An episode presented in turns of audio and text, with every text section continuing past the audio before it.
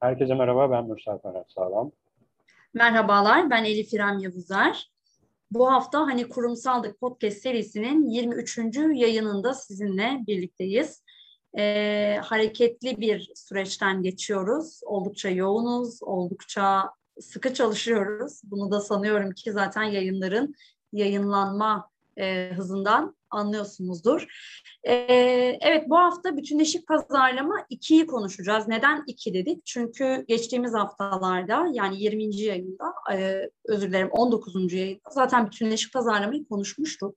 E, ancak büyük bir yayına sığması gerektiği için daha detaylandırabilmemiz için ekstra bir yayına ihtiyacımız olduğu için ve ağır da bir konu olduğu için aslında e, bir yayın daha söylemiştik yapacağımızı. Bugün işte o ikinci yayını gerçekleştiriyoruz ve bütünleşik pazarlama iki dedik bu yayına.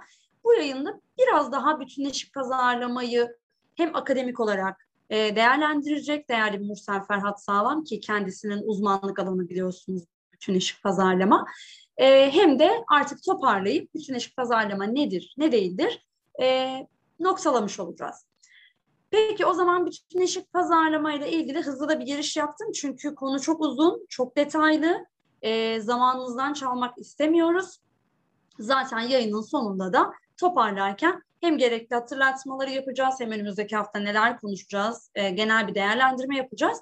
E, evet bu hafta bütünleşik pazarlama 2'de neler konuşacağız, e, neler aktaracağız? Mürsel Ferhat Sağlam'a sözü devrediyorum ve ondan da bir giriş rica ediyorum.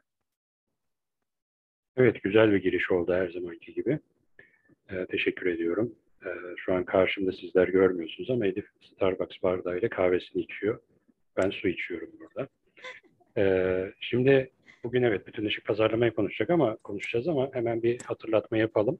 Ee, hı hı. YouTuber'lar ve influencer'lar gibi hemen işte kanalımıza... Öğrendik atın. mi artık? Ben, ben öğrendim. Çok böyle influencer'ları izledim son zamanlarda.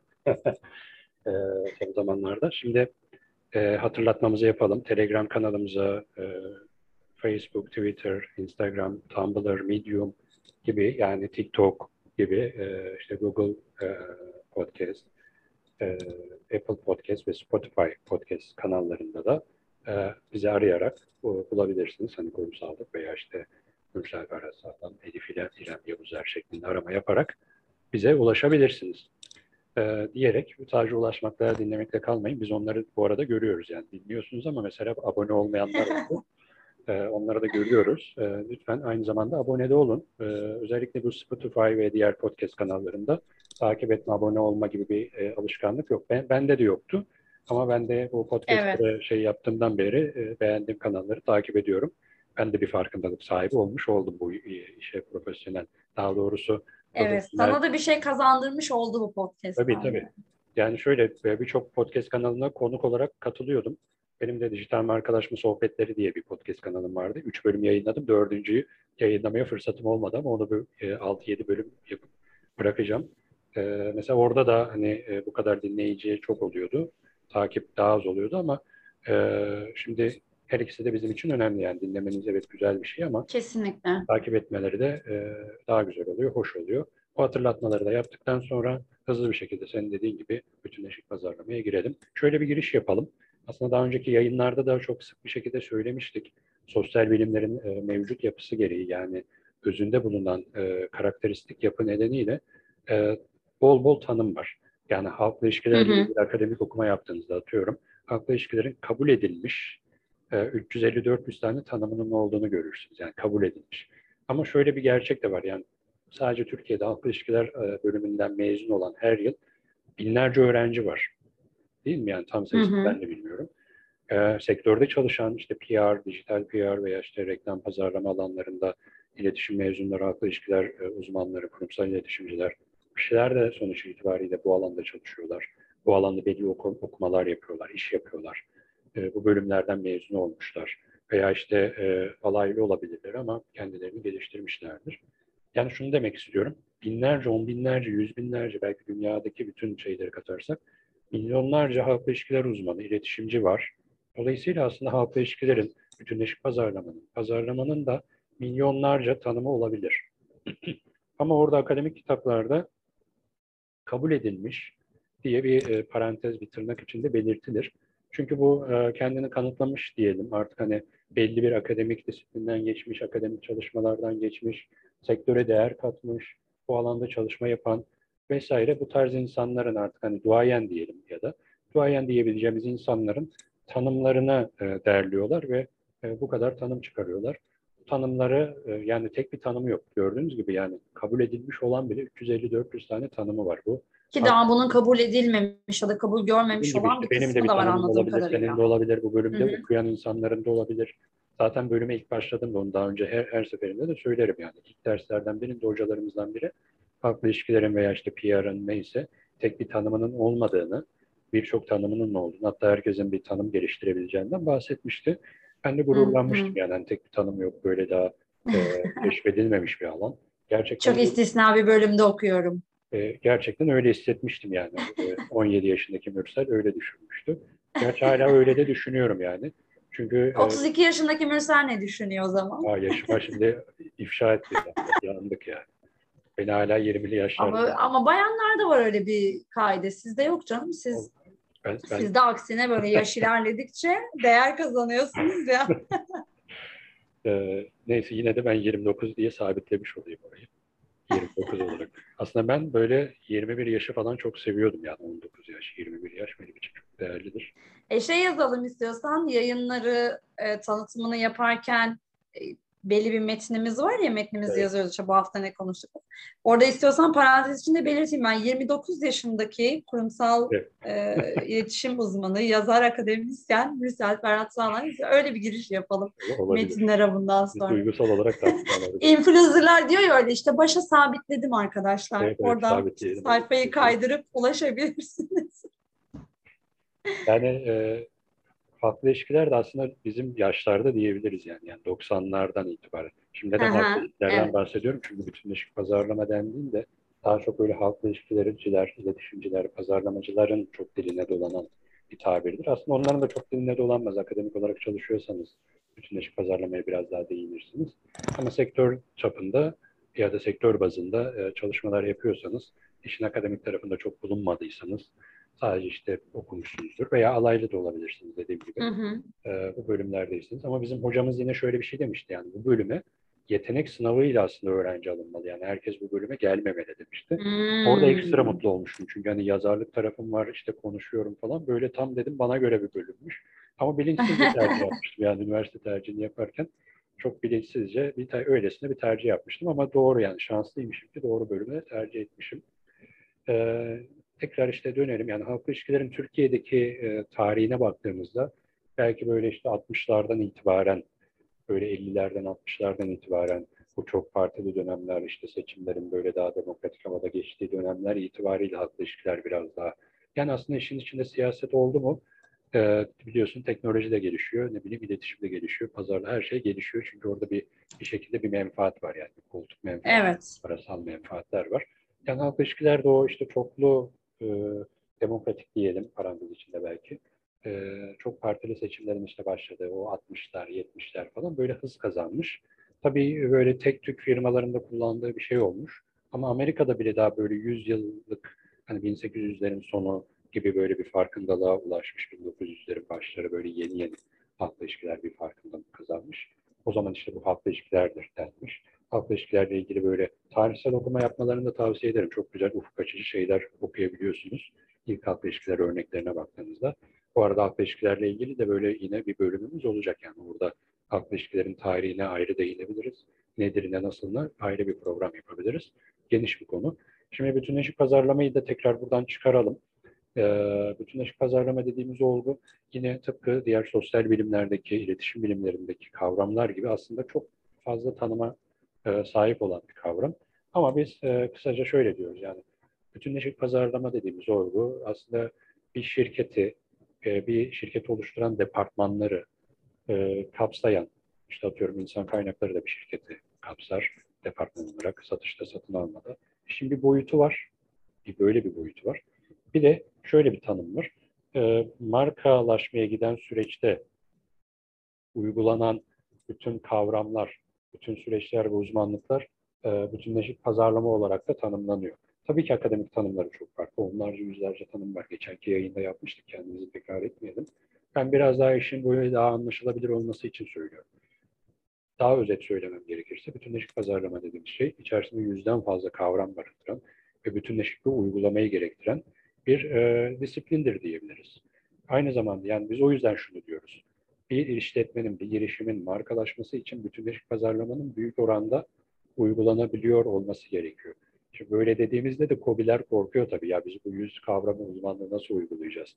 Hadi pazarlamayı yaptın, reklam nasıl vereceksin? Reklam verdin, outdoor reklamları nasıl vereceksin? Öyle değil. İhtiyaca yönelik, stratejiye yönelik. İşte strateji burada devreye giriyor.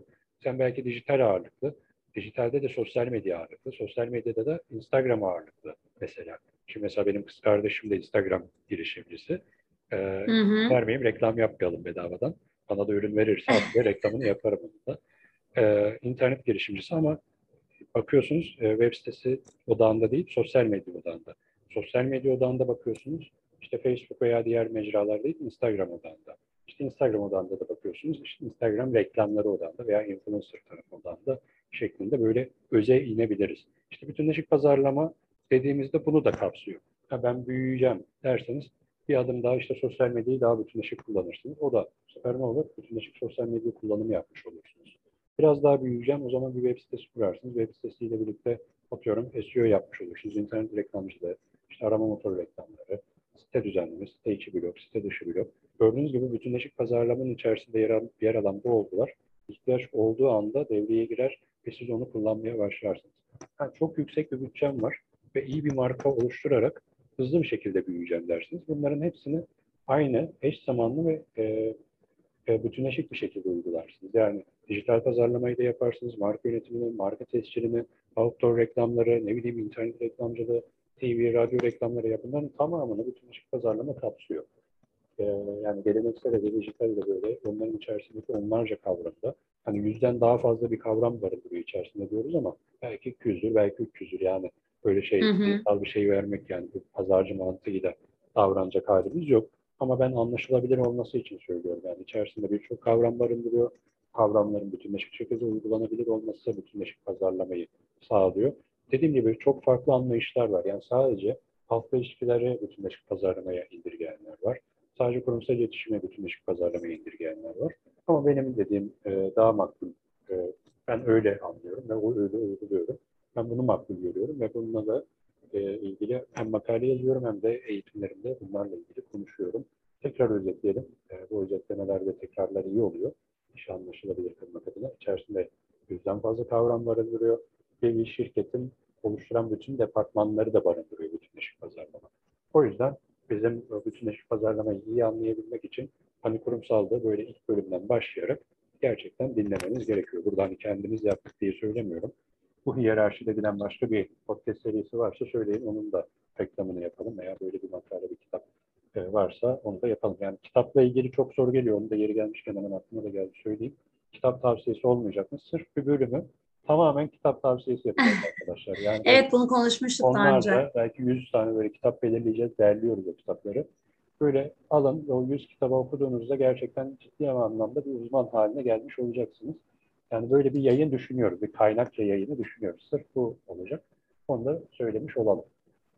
Evet, şimdi yeri gelmişken yine aynı şekilde sen bütünleşik pazarlamanın aslında e, bir çatı kavram olduğuna değinmişken yani markalaşma, kurumsallaşma ve dijitalleşme ki bunu geçen yayında da söylemiştin.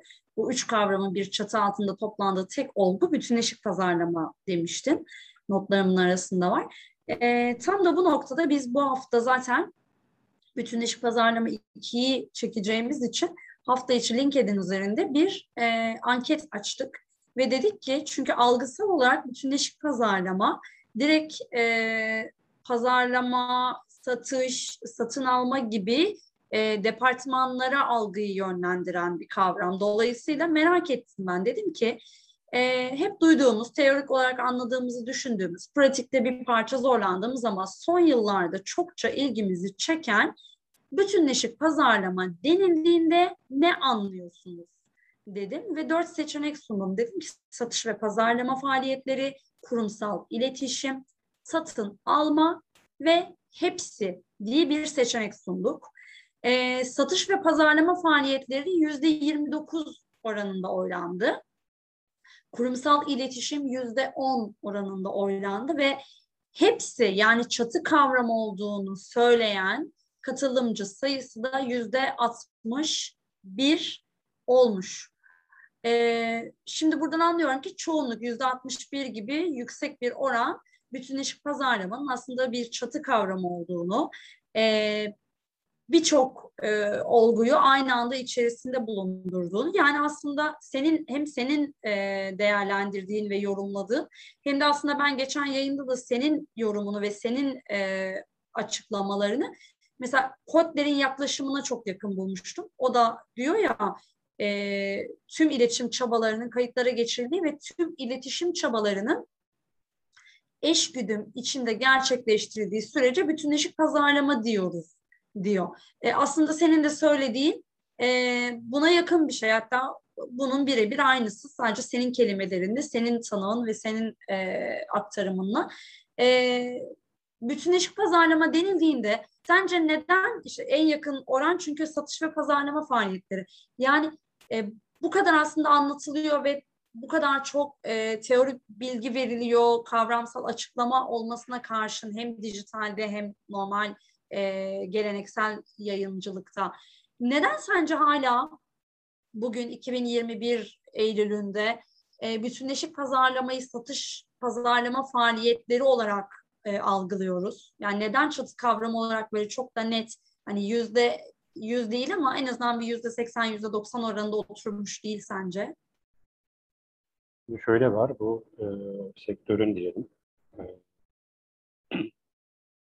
başının belası olan bir durum aslında. Yani pazarlama ile satışın aynı algılanması. Bu başımızın belası diyelim. Bu konuyla ilgili Kelimelere mi takılıyoruz aslında? takılıyoruz. Bir de karıştırılıyor yani. Satış çok ayrı bir şey, pazarlama çok ayrı bir şey. Ee, Kesinlikle. birbirini destekleyen bir şey olabilir. Bazen birbirlerini egale eden, bazen birbirlerinin önüne geçen bir şey olur. Ama en nihayetinde tabii bir firma, bir işletme veya bir kişi, bir, uzman e, ne için bir ürün üretir, hizmet üretir veya bunu neden tanıtır, anlatır.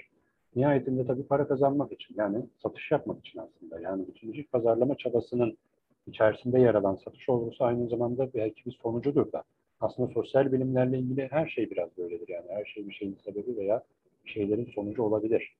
Ee, o yüzden yani bu sektörde uzun yıllar çalışmış insanların da belki bazen akademisyenler bu hataları çok yapmıyorlar gerçi ama sektörde bu akademik okuma yapmayı daha çok popüler kültür odağında e, işte, işte kitapları okuyanlar daha çok bu işte kendini geliştirdiğini düşünüp e, böyle e, bestseller dediğimiz o kitaplar vardır yani iş kitapları onları okurlar abi demek bu böyleymiş ben de böyle yapayım öyle şeyler öğrenir. şey gibi değil mi? Starbucks'ı yaratan Ha, yani kişinin öyle bir kitabı var ya işte girişimcilikle Evet, alakalı yani işte kahveden onu- girişim yaptım falan diye.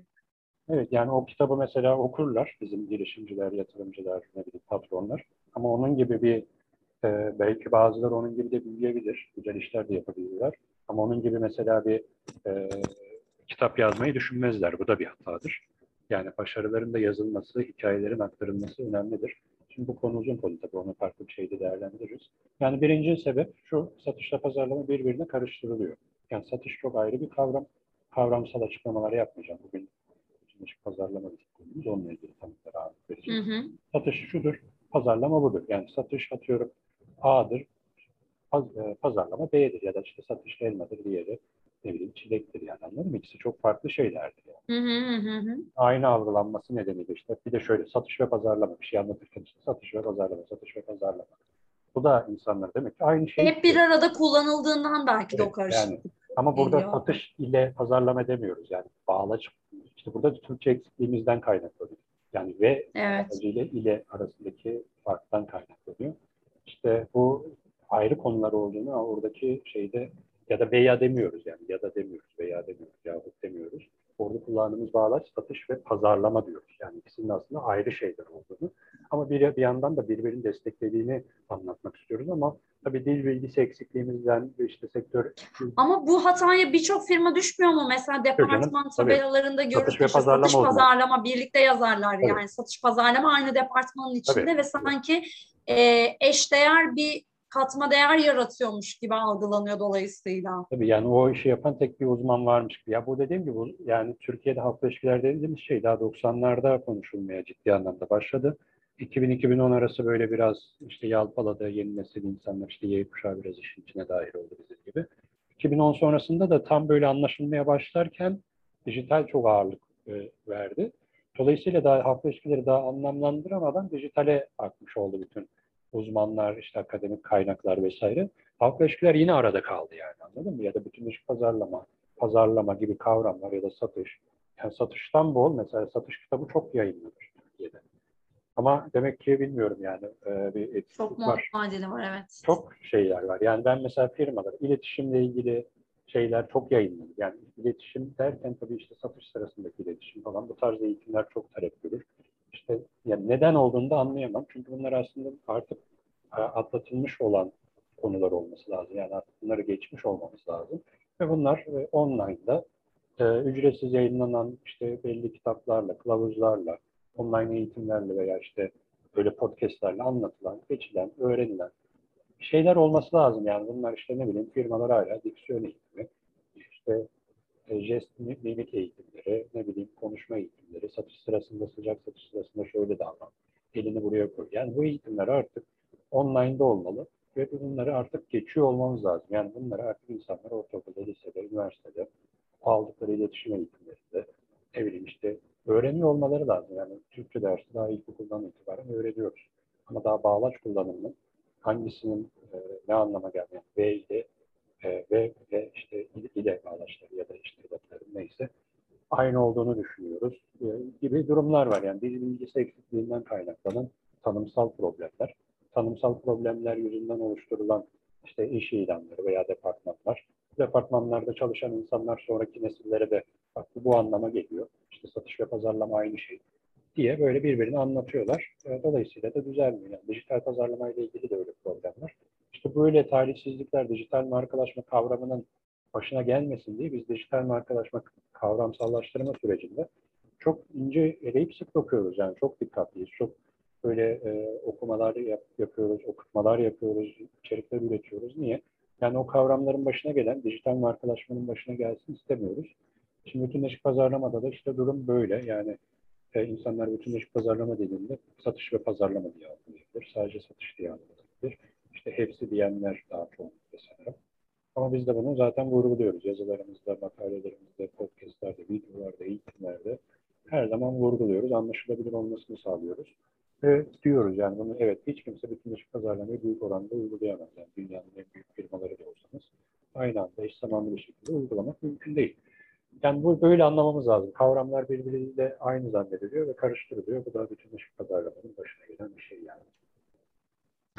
Peki bütünleşik pazarlamayı geçen hafta yani geçen hafta dediğim bir önceki bölümünde bütünleşik pazarlamanın yani 19. bölümde konuşurken bütünleşik pazarlama bir çatı kavramı olduğu için aslında birçok departmanın birlikte çalışarak ortaya koyacağı bir şey olduğundan bahsetmiştik ama şimdi sen böyle söyleyince aklıma da şöyle bir şey geldi. Sen hep dijital markalaşma için ayrı bir uzman gerektiğini artık e, yeni çağda dijitalin bu kadar önem kazandığı e, firmaların artık bu kadar dijitale entegre olduğu bir çağda dijital markalaşma uzmanının çalıştırılması gerektiğini hep vurgu yapıyorsun ya. Yani evet bunu dışarıdan bir ajans da halledebilir ya da kurumsal iletişim birimi de halledebilir ya da işte varsa halkla ilişkiler de belki e, bir nebze yardımcı olabilir. Ama bir dijital markalaşma uzmanı e, barındırmak e, onu e, bünye altında çalıştırmak çok daha farklı ve çok daha verimli sonuçlar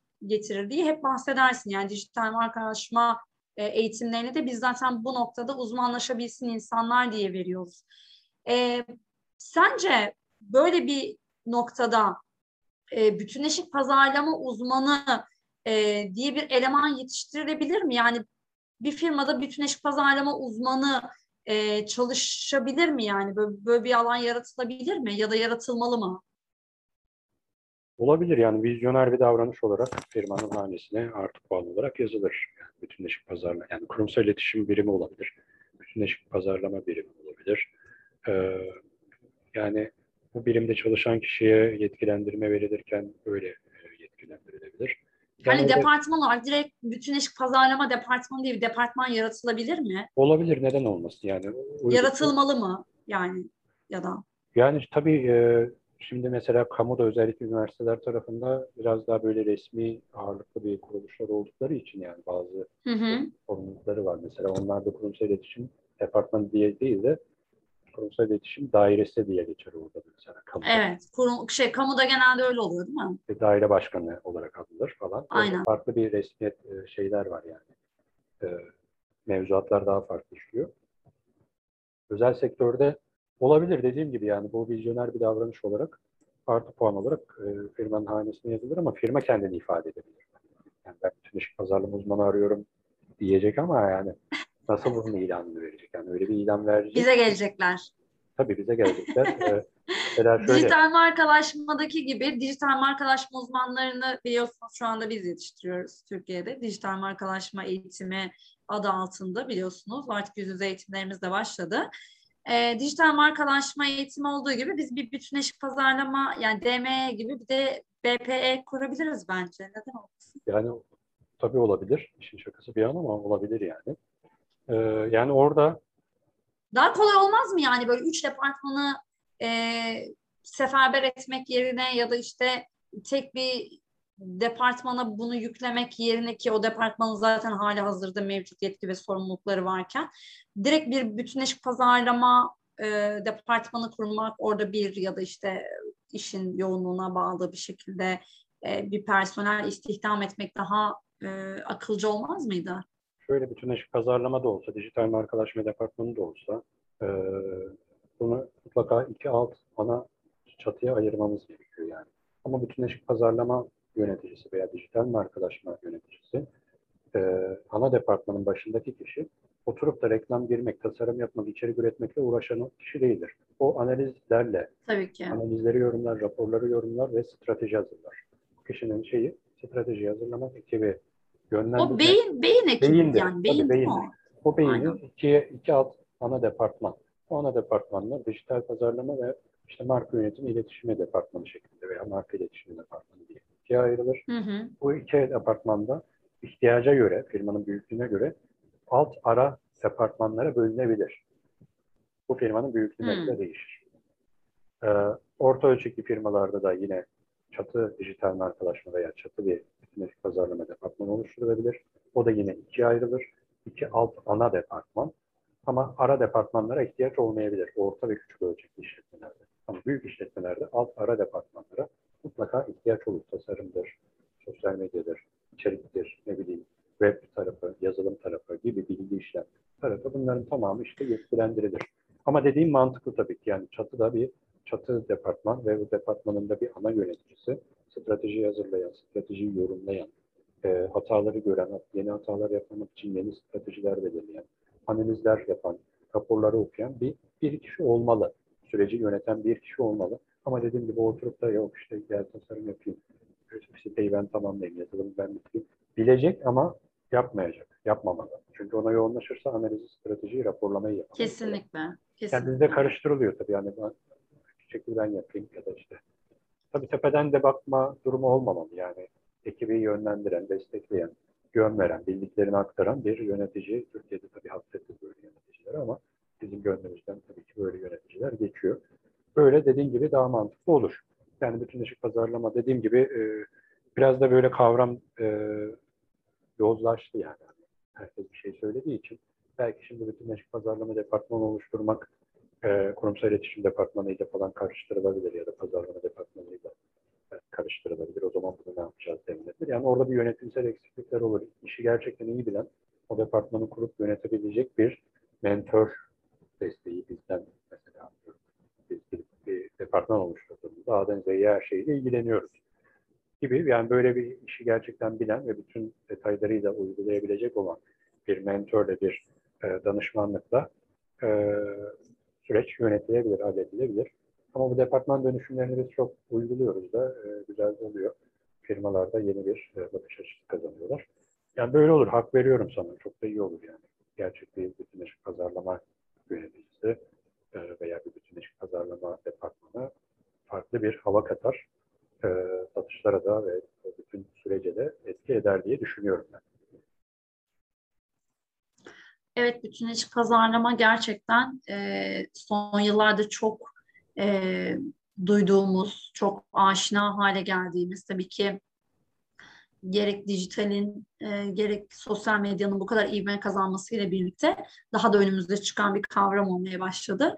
Ama tabii hani ilk başta da hem ilk yayının hem de bu yayının en başında da söylediğimiz gibi e, karmaşık bir kavram. Çok kolay anlaşılabilir e, olmaması çok normal. Çünkü çok fazla tanım var, çok fazla fikir var, dediğin gibi çok fazla yorum var. E, söylediğin üzere yozlaşmış hatta yozlaşmanın ötesine geçmiş bir kavram. Dolayısıyla bu noktada sevgili Mürsel Ferhat Sağlam'ın da söylediği gibi hem akademik okumalar e, hem gerçekten literatüre geçmiş, kavramsallaşmış e, bu olgu hakkında değerli yayınlar var. E, mutlaka fırsat buldukça bu konuyla da ilgiliyseniz, bu konuya da bir ilginiz varsa ve bu alanda çalışıyorsanız ya da çalışmayı planlıyorsanız mutlaka bu tarz okumalar yapın. E, hatta Mürsel'in bu konudaki uzmanlığından da faydalanabilmek adına ona da yazabilirsiniz. O her mesaja, e, her e, iletiye dönüş yapar mutlaka. Geçenlerde de söylemişti ya, e, bana ulaşamamak imkansız diye. Ulaşmak değil de ulaşamamak imkansız. Yani bana ulaşamamak için çaba sarf etmeniz gerekiyor der her zaman.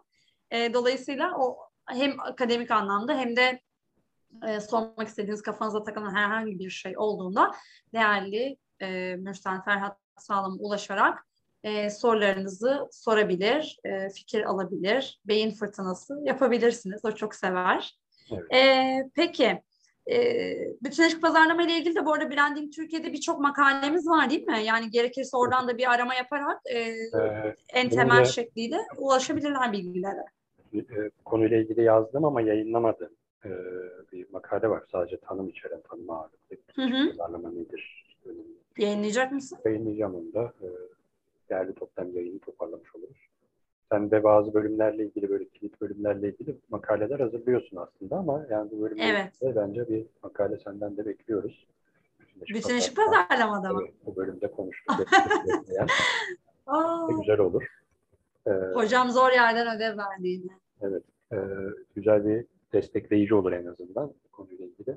Çok dediğim gibi tamam. genel geçer makaleler çok var gerçekten kapı karışıklığı çok normal. Özellikle üniversitede bu halk ilişkiler, iletişim, pazarlama alanlarında okuyanlar böyle e, sık sık yazıyorlar. Hocam aman bırakmayın, devam edin bu yayınlara falan diye. Çünkü onlar da ne yazık yani, yani web tarafında özellikle bu online eğitimler olduğundan beri hı hı. Böyle iyi kaynak nereden bulunur, nasıl bulunur işte hocalarla da irtibat biraz koptuğu için kaynak evet. e, eksikliği de yani hangi kaynağı okuyalım, ne yapalım yani hani popüler iş kitaplarını okuyarak bu işler olmaz. Onlar için biraz çeliklidir yani. Böyle e, okuyun, faydalıdır ama hani bir iki saatte tüketilen bir kitap e, zarar, şey, yararsızdır demiyorum, yararlıdır mutlaka ama o size farkındalık kazandırır. Yani işi öğrenmek için biraz daha derinlemesine okumalar. Ee, hani kaynak bulamıyorsanız nasıl kaynak bulacağınızla ilgili ilgili bölümde anlatacağım onları da. Hani kaynaklar nasıl bulunur, akademik okumalar yaparken hangi kaynaklara ulaşalım.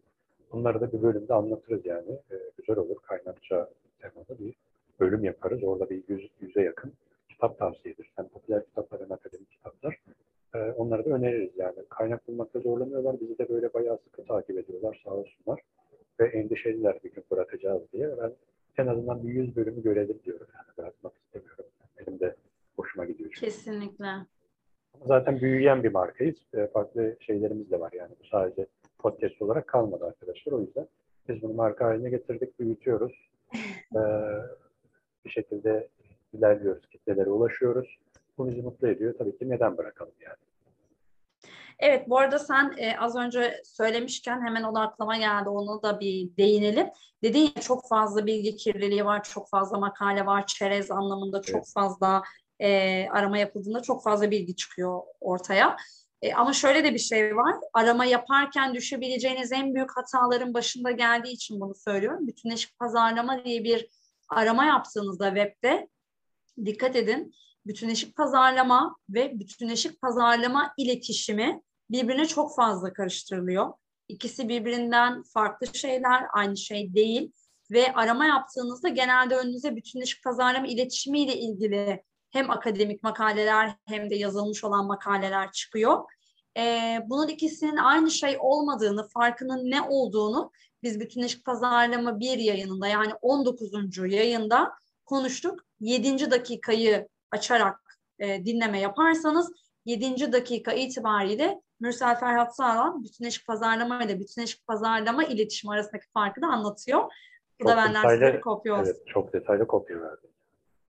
7 ile 10 dakika arasını dinleyip bırakmazlar inşallah. Yok yok bırakmazlar çünkü o yayın çok sürükleyici bir yayın. Sonrasında tabii biz notlarımızı çıkartabilmek adına biliyorsun defalarca dinliyoruz ya birlikte.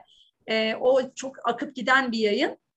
Dolayısıyla ben sonuna kadar dinleyeceklerine inan- inanıyorum ki yani DM'den gelen soruları e, görmüyor musun? Gayet hepsini dinlediklerinin kanıtı değil mi sence de? Burası öyle tabii ki. Ee, Zaten bu ikinci bölümü yapma nedenimiz de biraz hani biraz daha konuşun e, kavramla ilgili falan. dedik. Evet. Yani çok tanım var, onu söyleyelim. Yani benim önümde de şu anda notlarımda da hani birçok tanım var, birçok uzmanın tanımları var. Ama hepsini okumak istemiyorum. Yani ak- aktarmak da istemiyorum. Yayında çok fazla böyle uzatıp şey e, dağıtmak da istemiyorum. Böyle çok küçük bir yayın oldu belki. Hani yarım saat olduğunu bilmiyorum. Olmuş. Yarım saat biraz geçmiş. Oldu oldu geçti bile. butik bir yayın olsun. Yani bir e, konuyu daha da e, anlamamıza yardımcı olan bence detaylardan bahsettik. Birinci bölümde böyle ard arda dinlerseniz tekrar ederek e, notlar çıkararak ve işte e, bu hafta önümüzdeki hafta büyük ihtimal makaleyi yayınlamış olurum yani. Editöre yollayıp yayına versinler şeyde. Tamam harika. O O zaman de, önümüzdeki hafta e, desteklemiş oluruz. önümüzdeki hafta içinde bulurlar o zaman makaleyi. Evet yani en geç Cuma'ya kadar ben son okumasını yapayım. Hani Tamam. yazan uzun zaman oldu. Ee, Tamam, harika. eklemeler yapacaksam onları yaparım. Sen de e, bütünleşik pazarlama ile ilgili böyle bir Tamam ben birkaç hafta sonra yazayım canım. Aynı anda yazmayalım yani. e, destekleyici bir makaleyle e, katkı sağlamış olalım. E, bu da bizim sektöre hediyemiz olsun artık. Yani. Tamam. O zaman önümüzdeki hafta bir tık daha eğlenceli bir şeyler konuşalım. Çok böyle arka arkaya akademik e, konulara girdik. Sıkmayalım dinleye, dinleyenleri de. Önümüzdeki hafta e, bizim kendi sosyal sorumluluk projemiz olan Yeşil Pelerinli markaları konuşalım mı? Olur. E, onu daha çok kişiye ulaştırmak güzel olabilir. Yani kurumsal sosyal sorumlulukla bağlantılı bir konu. E, zaten ondan sonraki hafta da e, kurumsal sosyal sorumluluğu konuşacağız. Tamam. Tamam harika. O zaman önümüzdeki hafta Yeşil Pelerinli markaları konuşuyoruz.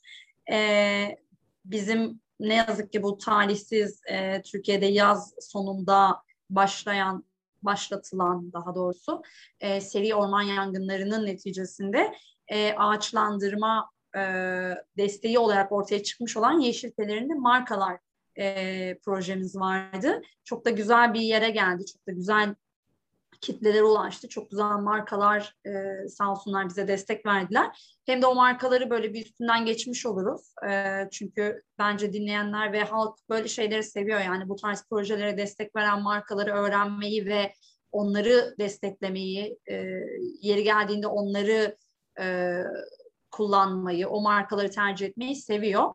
E, hem o markalara da bir teşekkür etmiş oluruz. Hem projemizin bir kere daha üzerinden geçeriz. Belki duymayan vardır o süreç çünkü çok sıkıntılı bir süreçti. Sosyal medyada çok fazla bilgi kirliliğinin ve bu tarz projenin e, çok fazla ortaya serildiği bir dönemdi. E, Yeşil Pelerinli markaları bir kere daha hatırlatmış olalım.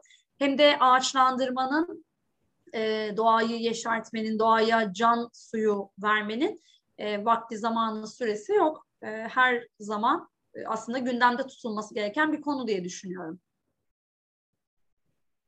Bence de öyle. Ee, senin de dediğin gibi yani tüketici davranışına alışveriş e, davranışını Hı hı. geliştiren bir etken sosyal sorumlulukla ilgili e, aksiyonlar. Yeşil Pelerin'le başlayalım. Hani önce onu anlatalım. Ondan sonra da e, kurumsal sosyal sorumluluk konusunu böyle biraz akademik açılardan e, değerlendirebiliriz. Ondan sonraki haftada yine yine güzel bir konumuz var. Ondan sonraki haftalarda söyleyelim de meraklansınlar diyelim ve Tamam. e, bir sonraki yayında buluşmak üzere diyelim. Hemen de bitiriyormuşuz böyle. Evet, daha fazla sıkmadan e, bütünleşik pazarlama ağırlığı olan bir konu çünkü en başta da söylediğimiz gibi. 19. bölüm bütünleşik pazarlama 1 ve bugün 23. bölüm bütünleşik pazarlama 2 olarak iki bölümde dinleyebilirsiniz. İsterseniz arka arkaya e, dinleyebilir ve bir bütün haline getirebilirsiniz. E, daha faydalı olabilir diye düşünüyorum. Peki bize vakit ayırdığınız için, dinlediğiniz için, e, tüm sosyal medya mecralarından e, bizi desteklediğiniz için ve takip ettiğiniz için, abone olduğunuz için teşekkür ediyoruz. Önümüzdeki hafta 24. bölümde buluşmak dileğiyle sağlıklı kalın, hijyen, sosyal mesafe kurallarına dikkat ederek e, güzel bir hafta sonu geçirmenizi diliyorum. Kendinize iyi bakın, hoşçakalın. Ben de herkese güzel bir hafta sonu diliyorum. Kendinize iyi bakın. Sağlıklı kalın, mesafeli kalın dikkatli olun. Görüşmek üzere ve bizi de takip edin tabii ki. Herkese e, iyi dinlemeler diliyorum.